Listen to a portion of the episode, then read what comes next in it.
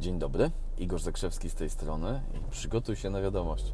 Już moja córka nabija się z tego i y, mówi Dzień dobry, Igor Zakrzewski z tej strony, przygotuj się na wiadomość. E, witam Was bardzo serdecznie. E, Zaburzenie graczy, tytuł dzisiejszego odcinka, tytuł dzisiejszego live'a i wcale nie, nie mam zamiaru mówić o tym, co się wczoraj wydarzyło w Moskwie i że nasza reprezentacja dostała ostry łomot w, z tym, z Kamerunem. Nie, z Senegalem tylko o czymś zupełnie innym. Otóż y, w tym tygodniu Światowa Organizacja Zdrowia, czyli WHO, ogłosiła ustami swojego e, dyrektora generalnego, że oto nadchodzi długo wyczekiwana nowa edycja produktu, z którego są naprawdę dumni, mianowicie ICD-11, który ma zastąpi, i- zastąpić ICD-10. Co to takiego jest? Hej Ewelina. E, ICD czy ICD z angielskiego, czyli International Classification of Diseases, e, czyli międzynarodowa klasyfikacja chorób. I tak jak sobie poszperałem, to okazuje się, że oni są bardzo dumni, bo w tej chwili w, tym, w tej całej ICD mamy jakieś 55 tysięcy chorób sklasyfikowanych, chorób, zaburzeń jakiegoś rodzaju, tego, tego, tego rodzaju historii. Dacie wiarę? 55 tysięcy. To oznacza, że posadziłbyś na stadionie narodowym, wypełnił cały stadion narodowy ludźmi i Yy, I, I każdy z nich mógłby mieć inną chorobę, wybrać sobie z tego ICD. Każdy mógłby mieć inną. Cały stadion narodowy. Albo takie miasto na przykład wielkości, pff, dajmy na to, nie wiem, Biała Podlaska. No? To dopiero coś. No? Ale yy, okej, to zupełnie, zupełnie nie moja bajka, bo, bo ja uważam, że gdzieś w którymś momencie e, świat e, trochę zgłupiał, bo poszedł w kierunku szukania tego, na co jeszcze możemy być chorzy i klasyfikowania tego.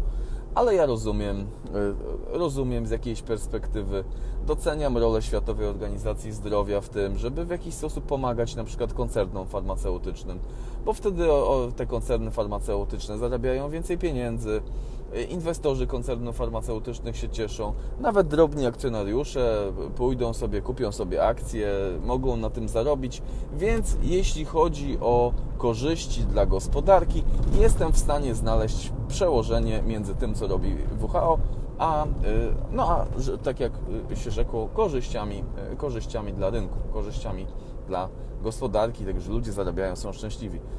Czy są korzyści dla zdrowia no, ludzkiego? Tutaj, tutaj mógłbym polemizować, ale jestem za krótki na polemikę, więc przeskoczę od razu do czegoś, co rozbawiło mnie przeokrutnie. Prze, przeokrutnie rozbawiło mnie to, że w tej nowej ICD-11, y, która oficjalnie ma zadebiutować w przyszłym roku, a wejdzie chyba za jakieś 2 czy 3 lata, do powszechnego używania na całym świecie, w tej ICD-11 znalazło się coś takiego jak gaming disorder, czyli e, tak swobodnie tłumacząc, zaburzenie graczy. Na czym będzie polegało zaburzenie graczy? Do czego ono się odnosi? Ono się odnosi do, ono się odnosi do sytuacji, w której ktoś za dużo gra na komputerze. I teraz, uwaga, to teraz będzie zaburzenie. To teraz będzie zaburzenie, ale uwaga, tam są, są trzy, no, trzy aspekty tego. No nie tak łatwo po prostu inwektywą w kogoś ciepnąć, że ty, ty to jest, masz jakieś zaburzenie graczy, ty jesteś jakiś niezrównoważony. E, Bo tam są takie trzy kryteria diagnostyczne. Pierwsze kryterium to jest takie, to dowcipne, co w ogóle, ale to, to, to co mówię to jest prawda, szczera prawda. Y, To y, pierwsze, pi- pierwsze kryterium diagnozowania zaburzenia graczy to będzie to, że ktoś e, e, zupełnie poza kontrolą poświęca czas, poświęca swój czas na, na granie w gry komputerowe. To, będzie pierwsze. Drugie, to, że, że granie w gry zyskuje wyższy priorytet niż inne obszary życia. I trzecie kryterium diagnostyczne to będzie takie, że pomimo negatywnych skutków związanych z tym, że ktoś poza kontrolą się zaangażował, uczynił z tego priorytet i zaczyna mieć z tego negatywne skutki, to dalej gra. I teraz brzmi mądrze, prawda? A jednocześnie, tak jak sobie popatrzę na, y, na różne sytuacje w naszym życiu, no weźmy na przykład takie zakochanie, które potem przechodzi w związek. Toż to dokładnie, dokładnie działa w ten sam sposób, tak? Pierwszy krok, że wchodzimy w coś, co jest kompletnie poza naszą kontrolą, prawda? Drugi krok jest taki, że nadajemy temu priorytet, niezależnie, y, niezależnie od tego, co tam jeszcze robiliśmy w życiu, to nadajemy temu priorytet, tak? I to jest najważniejsze. Ta druga osoba jest najważniejsza, w której się zakochujemy. No i trzeci krok, że kontynuujemy ten proceder mimo negatywnych skutków w różnych obszarach życia. Hmm? Więc to też jest jakaś forma, y, jest jakaś forma uzależnienia. Albo na przykład wchodzisz sobie człowieku do pracy w, nie wiem, w korporacji, dajmy na to, wchodzisz sobie do pracy w korporacji, no czyli trafiasz w jakiś młyn, gdzie rzeczy są zupełnie poza Twoją kontrolą, ale robisz to, yy, mimo że to, to wszystko jest poza Twoją kontrolą, angażujesz się w to.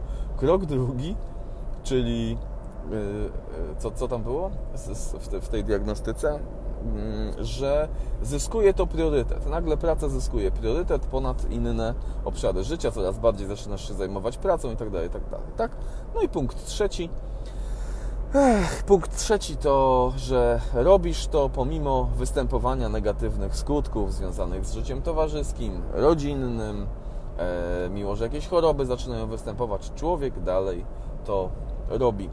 I właściwie zmierzałbym do puenty, bo to nie chodzi tylko o to, żeby wyśmiać, ale trochę się nam na świecie po, pokićkało we łbach, dlatego że powinniśmy odróżnić e, chorobę e, od zachowania. Zachowanie nie może być chorobą, e, po, prostu nie, nie, nie może być i tyle, bo, bo zachowanie to jest coś. Cześć, cześć Ines. Zachowanie to jest coś, w stosunku do czego mamy wybór. Prędzej czy później mamy wybór, możemy sobie coś, coś, coś innego wybrać. Zachowywanie się, podkreślam, nie może być chorobą. I tak, jakby, tak jak rozumiemy, ktoś kiedyś to argumentował fajnie, jeden znany profesor psychiatrii to argumentował, że my doskonale zdajemy sobie sprawę z tego, co oznacza e, określenie gorączka sobotniej nocy gorączka sobotniej nocy odnosi się do zachowań. Gorączka sobotniej nocy oczywiście nie jest, e, nie jest chorobą. Chorobą może być na przykład gorączka krwotoczna.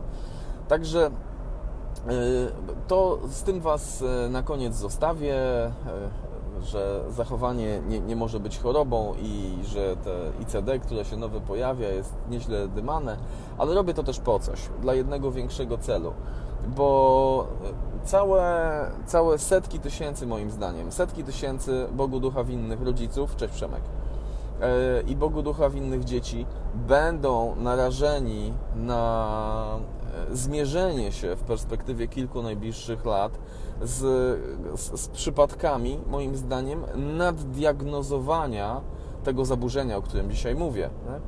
E, nadwrażliwi rodzice, opiekunowie, dziadkowie i tak dalej, nauczyciele będą szafowali tą etykietką. Będą mówić, to jest zaburzenie, jesteś chory psychicznie, to, to, to, to, to, to trzeba leczyć, ponieważ, e, ponieważ za dużo e, grasz na komputerze albo za dużo grasz na komórce i tak dalej, i tak dalej.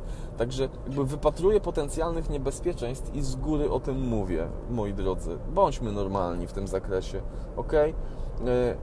Podkreślam, zachowanie to nie jest coś, co się leczy. Żeby zmienić zachowanie, to potrzeba użyć zupełnie innych narzędzi niż y, jakaś chemia, bo teraz o, uważaj na, pewnie na te, y, na te zaburzenie graczy, to się, to się nagle y, okaże, że to jakieś, jakieś tabletki wymyślili, że odkryli i to już w ogóle będzie jazda. Nie? Bo, twoje dziecko spędza dużo czasu przy komputerze, ma zaburzenie graczy, weź pigułkę nie nazwę tego dramatem, nazwę to po prostu idiotyzmem.